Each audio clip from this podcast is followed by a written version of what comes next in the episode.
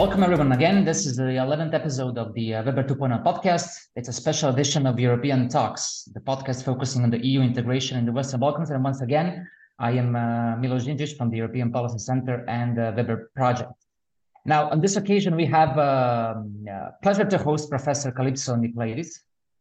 Uh, Professor Kalypso is the chair of global affairs at the School of Transnational Governance of the European University Institute in Florence, but she has also worked University of Oxford, St. Antony's College, Harvard University Kennedy School of Government, and she has also worked with numerous EU institutions. A couple of words more about our today's guest, uh, Professor Nicolaïdis' research interests revolve around a great deal of topics, actually, including internal and external aspects of EU, in, EU integration, democratic theory, transnational legal empathy, social solidarity, global governance, and many, many more. And uh, one more piece of information is that Professor Nicolaïdis has published widely on these topics, and for anyone interested, um, you can visit her website. So, Professor Nicolaïdis, uh, after this uh, short introduction, welcome to the WeBER podcast. It's a uh, it's a very pleasure to to have you to have you on board. My pleasure, Milos, to be with you. What a great, great project the WeBER project is. Thank you very much. And it's been uh, some time since we uh, collaborated on the WeBER since the Citizens First conference, that uh, the last one that we had, where we spoke about citizen consultation. So, and this is also a topic that we wanted to explore a bit more on this uh, on this web, uh, web um, uh, podcast episode. Now, during Weber, we have been increasingly moving towards including citizen consultations in one way or another as the as the pillar of uh, our interventions and giving your expertise in the topic and especially having in mind that you have uh, kickstarted with your uh, uh with your colleagues at the um, School for uh, Transnational Governance one big project on the topic. I just wanted to start maybe uh, by asking you for the beginning. Can you briefly tell us what you what has come to mind when you say citizen consultation nowadays in today's world and in today's uh, context. And especially what are the needs and challenges you know around this uh, concept of citizen consultation? Well milos and hi everyone. I, what comes to mind i guess is could be summarized as great but not enough. Great because obviously i mean as WeBER has demonstrated and all of those who've been trying to extend the opening up of the state to citizens, it's a very good thing to consult citizens about how they are governed. Mm-hmm. You know, mm-hmm. it's it's very um, it makes sense. Um, first of all, because we live in democracies and citizens should uh, be um, should have access to power one way or another because uh, their collective intelligence and individual intelligence will make the decisions of the administrations better and because it will be easier to implement if people are part of the story but why uh, not enough? Because well mm-hmm. it's it's the very word consultation. This consultation milos makes you think democracy?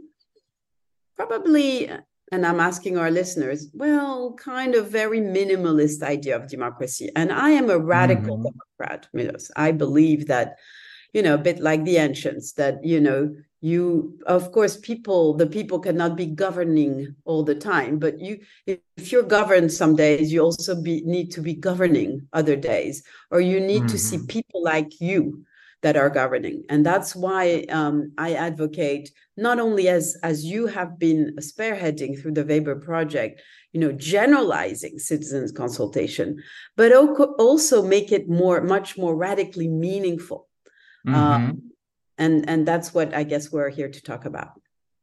Uh, very good. So uh, making it meaningful, I think this is the crucial point uh, that you mentioned in the end. Uh, so as a, a, radical Democrat, as you would um, uh, describe yourself, so you have, uh, as I mentioned, started a project that is supposed to um, make deliberative democracy and participatory governance in the EU more meaningful by involving people, right? It's called the Democratic Odyssey. So does this mean so can you just you know briefly tell us what are the expectations there and uh, and uh, does this mean that you think that uh, democracy in the eu nowadays is uh, as you say not enough it's not sufficient and it's uh, inefficient if you will well we all share the diagnosis that there is so much public disaffection out there whether it's mm-hmm. in the EU or whether in the Western Balkans, from where we're speaking now, uh, whether you're a member of the EU or not. And this is expressed through either not, people not voting at all or voting for fringe parties. Um, and it is expressed sometimes through um, the appeal of extreme right populists. Mm-hmm. Um, it's expressed for sometimes support from uh, for unsavvy authoritarian or semi-authoritarian governments, etc. Um, it's also expressed by a general you know disaffection not for not just for governance but you know and government but for for the for the state i mean you you know WeBER is about public administration reform so the, mm-hmm. the, the administration doesn't move from one government to another not not so much of course there are political parties that take their share. Yeah. But it's it's also expressed by more general disaffection about what the state does for us. Yes. Uh, and, and so we, we share this diagnosis. What is to be done? Well, the democratic odysseys are small contribution, uh, our share in trying to find solutions in general by reinventing really democracy. And I use the word broadly, democracy. You know, it's more than consultation. It mm-hmm. is about power. It's about people power. Now we are realists, you know, you know, we, we know that there's a Weberian state. There's a state out there that has functions and uh, they mm-hmm. need to be delivered. So how do we do people power? But well, here our proposal, like and like an odyssey. Why it's called an odyssey? Because it's a very long journey, full of sirens and cyclopes and monsters and difficult and tempests. Um, and so we try to evoke, um, to call upon a social imaginary, people's imagination about the fact that democracy is not an easy thing to mm. obtain if it's going to be real. In our democratic odyssey, we have a beacon, like Ulysses had Ithaca, and that mm-hmm. beacon is what should happen one day in Europe, which is that there should be a standing assembly, a permanent citizen assembly or people's assembly that will uh, always exist so we don't want to wait for you know this government or that government or this commissioner to say oh let's do an, a panel of citizens to consult them no this assembly would be there standing with people people rotating the members uh, would rotate every six or eight months. They would be new renewal of the assembly or one third you know it's a system very well known in mm-hmm. deliberative assembly uh, and it would be transnational. So all of the member state citizens would be represented randomly and would have all some criteria to make sure that there's men and women age education candidate country members hopefully be, if it happened before enlargement etc so you have this assembly uh, it's permanent and it has real power. Um, I refrain from saying binding power in the same way as even domestically, uh, because it's complicated. The law is made also, there are parliaments and there are other um, in the mm-hmm. EU, the uh, Commission and the Council, and the Council is a co-legislator.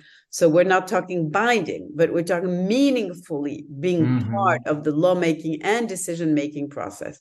We could talk much more about the beacon, but let me tell you just for a moment about the journey to get there. So what we do is, of course, we write papers and nice academic papers or reports about what this should look like. But instead of just stopping there, we are trying to show what it could be in reality. So we are mm-hmm. actually uh, organizing, as we speak, a pilot assembly that will meet in Athens in 24. In fact, it will meet upstream and hopefully after um, um, Athens because it's an, a, the whole project is a continuous meetings. But there will be a really big moment in Athens um, hopefully, that will be popular and covered. And this assembly will be done in the state of the art way in which deliberative assemblies are being done these days.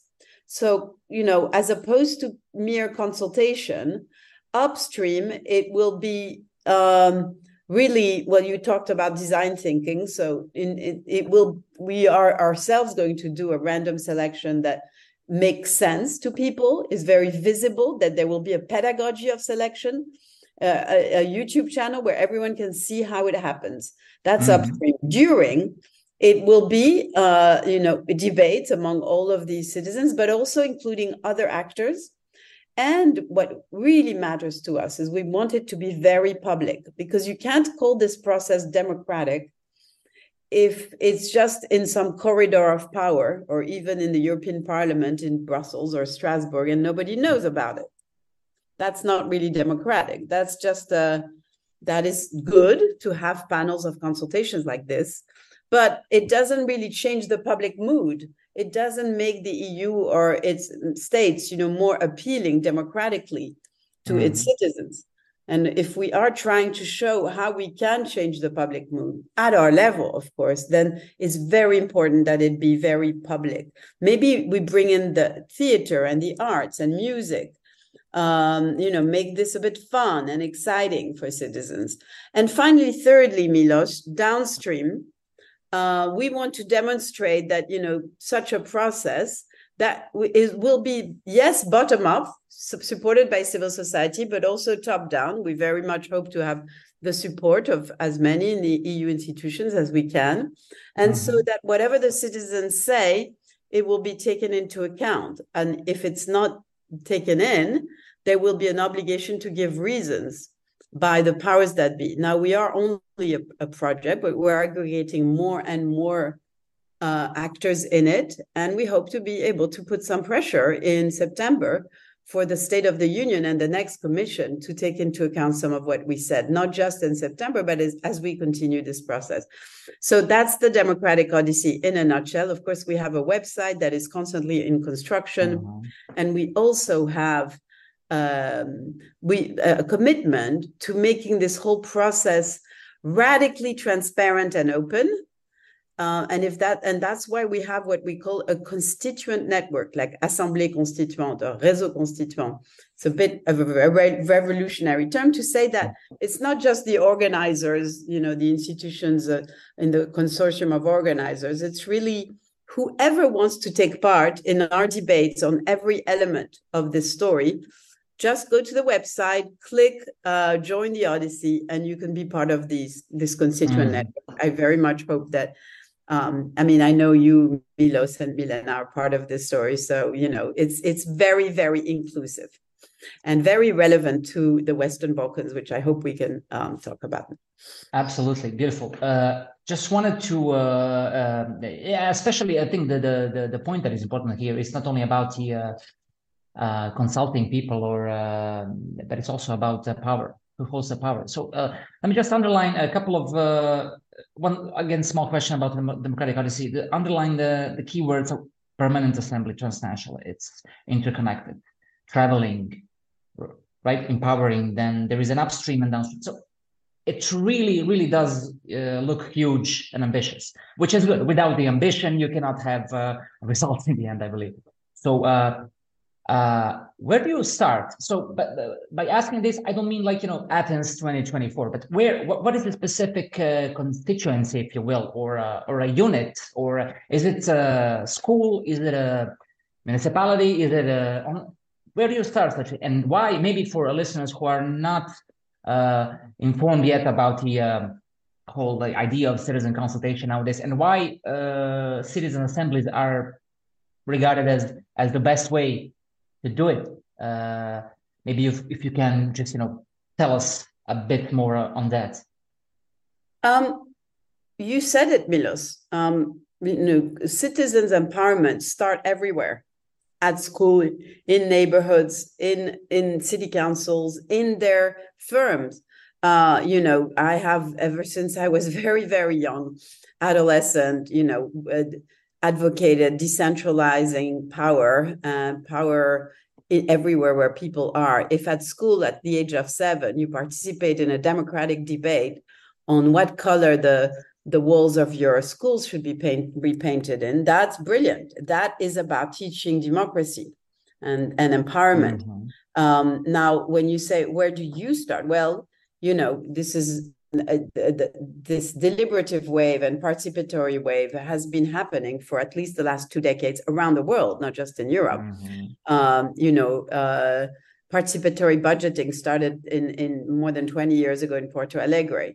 Um, mm-hmm. and then deliberative uh, wave started. Well, I mean, there were others, but you know, uh, people like to talk about you know the canadian examples. And then there was ireland more than 10 years ago you know with um, that was at the national level. So you and that was you know a deliberation about gay marriage and about abortions mm-hmm. topics that the politicians were so scared about. They couldn't you know decide. And so th- these assemblies you know make it made it happen. And, and citizens decided and then they were followed by a referendum. So there are many different variations on how you connect participatory mm-hmm deliberative democracy and direct democracy. Um, and of course, all around the world, there's been all sorts of experiments. So we're not starting from scratch. But where we are uh, in Europe now is that there has been some quite about 70 you know, deliberative uh, assemblies, um, you know, at city and national level, a few that are becoming permanent, like in Brussels and in Paris. Um, mm-hmm. You know, France has visibly had climate and end of life. All of them with, you know, very unequal results and quite often a, a certain frustration. Citizens, you know, what difference do we make? So we're still in a very experimental stage. But where we are super experimental is to do it transnationally in Europe, because of course the Commission, mm-hmm. the, the the the three institutions had a conference on the future of Europe, but nobody knew about it. And there there was some citizens deliberation consultation. Uh, and, and then there was commission panels, very interesting, very important. So what we're trying to do is say, okay, this is quite a technocratic uh, um, um, mm, acquis in the EU. And what we're trying to do with the Democratic Odyssey is to say, let's change this technocratic um, uh, flavor into a democratic flavor, where really this is owned and appropriated by ordinary people, ordinary citizens, you know, from all over Europe. So it's very ambitious. You're absolutely right, Milos. But I hope we're a bit humble in, in saying that, well, we we we can't, you know, we're just trying to plant a seed. I mean, obviously, this is about creating a movement all over Europe. Uh, there is a movement. I shouldn't be saying we are creating it we have uh, deliberate, de, uh, you know, democracy R&D. We have a lot of uh, networks of people who facilitate or think about or critique or evaluate, you know, deliberative assemblies. And it's a matter of together, pulling together to make sure that this, you know, starts to really be contagious to the European institutions. It becomes an integral part of how the EU is governed. Now, that mm-hmm. hasn't happened yet. There are some progress with these panels, but we need to help make it make all this more democratic. Very good. You mentioned uh, how the EU uh, is uh, governed, uh, another important uh, point for uh, discussion. I just want to go a bit more broader now to reflect to one of your papers that you've written recently. It's called Radicality of the Sunlight. So there are a couple of as you elaborate pa uh, pathways to more uh, democratic Europe, and there is one um, especially uh, relevant to what we do um, here in WeBER Project, but also for the Western Balkans regarding the transparency and integrity of the institutions and uh, processes. So how how does you know speaking about the democratic odyssey and the giving uh, power to people and more deliber deliberation, more participation, but how these two things uh, interplay. So the, the need and the reality of more deliberation on one hand, and the and the need for the EU institutions, so be that EU institutions in this regard or any other institution, for more uh, transparency, transparency in work and more integrity in work. So how do, how would you uh, how would you uh, comment on that? Yeah, I mean the two. I mean, thank you for uh, referring to this report that just came out, the radicality of sunlight. This was a high level group on, that I chaired on uh, bolstering European democracy. And in it, indeed, we do advocate for the kind of standing assembly that uh, we just discussed previously. But we also want, you know, thought about the fact that, well, we are now entering this phase of enlargement. And mm-hmm. indeed, um, it, the enlargement process doesn't always empower the civil society actors that are themselves in the countries of the Western Balkans advocate and you know are spend so much energy trying to make you know their country um, operate better and be more transparent. So in this uh, report, we called for um, a democratic dimension of the enlargement, which would be about monitoring uh, public administration um, through the EU enlargement process for much more broadly than is done today, really catching you know the formal and informal state capture i put that in quotes you know how mm-hmm. specific actors uh, often corrupt or political parties or you know kind of mafias nepotistic kind of uh, uh, groups just capture the state public pose budgets and special interest everywhere really corruption so how can we make uh, conditionality more meaningful, not because the EU would wave a big stick, but because we need to empower the actors who do that in the region. And that goes hand in hand with transparency, the mm-hmm. radicality of sunlight, as I like as I like to say.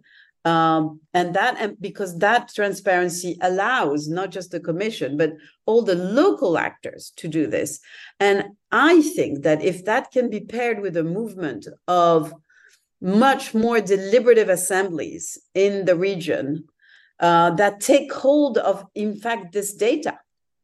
Uh, and you know think through how can we appropriate our own state that would be amazing. I, I, have a wonderful student, uh, Teona Nesovic, who did a, a, thesis for us on, on the two citizen assemblies in Bosnia, both at the local and national level, one quite successful, the other less.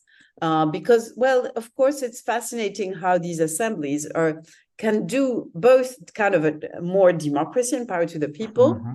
Um, to, using this transparency for themselves, but also can help in the resolution of ethnic conflict, if not the resolution, progress, because people mm-hmm. across ethnic lines, you know, when they find themselves in these deliberative settings, they understand they're just you know exactly like each other the same worries about whatever recycling or food waste or um, and corruption in their government you know they they share the same concern of everyday life related to their government so i hope that uh, we can encourage this we also advocate in the radicality of sunlight project hold that the presidencies of the EU would hold citizen assemblies in their country, including citizens from candidate countries, which will then kind of create a bit, help create that culture, spread the culture that we're talking about. Yes, and I would definitely uh, agree with you. And this is something that we also, um, uh, this is also a message that we convey all the time. So essentially, without transparency or uh, even radical transparency, uh, um, as you said, uh, you as a citizen, you're actually powerless because you don't have uh, access to uh, tools and information that you need to uh, to participate in the decision of in the decisions that affect your and everybody everybody else's life. So in that sense, this is as much as it as it can be true for the institutions, it's true for our institutions in the in the region. Um, I'm afraid that we are uh, running out of time now. So, and uh, but I'm also sure that we can uh, continue conversation about these topics for uh, for hours. I would just love to uh, make sure before we close to say uh, for to our listeners, for anyone interested to interested to get to know a little bit better about the Democratic Odyssey, about other work of Professor Nicolaïdis, the radicality of the Sunlight Report to uh, visit the links that are available in the description uh, of this uh, podcast. And uh, if you want to know more, uh, please uh, reach out. We are more than available and willing to to give further information about the topics that we have that we have discussed. So, Professor Kalypso, I want to thank you very much for this for being being our guest today. we appreciate it, and we um, very much uh, like to discuss uh, such topics that are uh, as ambitious and um, genuine as they are. We are also hopeful that will bring um, uh, results and that we as uh, WeBER team and our collaborators and partners here will uh, somehow in some parts of this whole process will contribute and uh, yep um, indeed, Milos, thank you. And I just would like to add in closing that um, I'm looking forward to being a, an active part of the WeBER project and to make, you know, deep, radical, deliberative participatory democracy an integral part of the next phase in the whole of the Western Balkans. Um, and this is something very important to me. In, in 2000, I created in Oxford University a program called Southeast European Studies at Oxford, SEESOX, directed mm-hmm. by Othon Anastasakis. And we have been working on enlargement ever since, enlargement to the, the failed promise of enlargement. And, you know, Milos, we, we are in a difficult time in the world today but there's a bit of a ray of, of sunlight even um, in the sense that this prospect of enlargement that I have been committed to and fighting for all you know my academic life, including before when I was at Harvard. You know, it was it's always been a, a you know indeed a beacon of and a, a, huge commitment for me and as for many others. And I think now you know the prospect of enlargement has been reborn, sadly from a war in Ukraine, but I think um, it's there. And so, but it will not be a success unless and until we really put in it, you know, a very, very strong dose of of, of democracy, of rule of law, also written mm-hmm. on the rule of law. These are intrinsically connected. And I think we can do this together and very much organize in the region deliberative assemblies that speak about these difficult topics you know so i'm really looking forward to to this next step and i i'm, I'm confident that it will lead to an enlargement sooner rather than later but don't hold me to it because this is a very uncertain world I think that these were the you know the perfect words for ending uh, this podcast. So uh, I couldn't do it better. So thank you very much. Uh, beautiful, and we are also definitely uh, looking forward to having you with us on a project. I this is something that uh, uh, this is the, the, the, something we definitely should do and make our bonds even stronger. So uh, thank you once again, and uh, good luck with the rest of the work uh, in the rest of your work, and uh, we will definitely uh, keep in touch in the next in the next phases. And um, of course, in the end, thank you to our to all our listeners, and looking forward to the next discussion.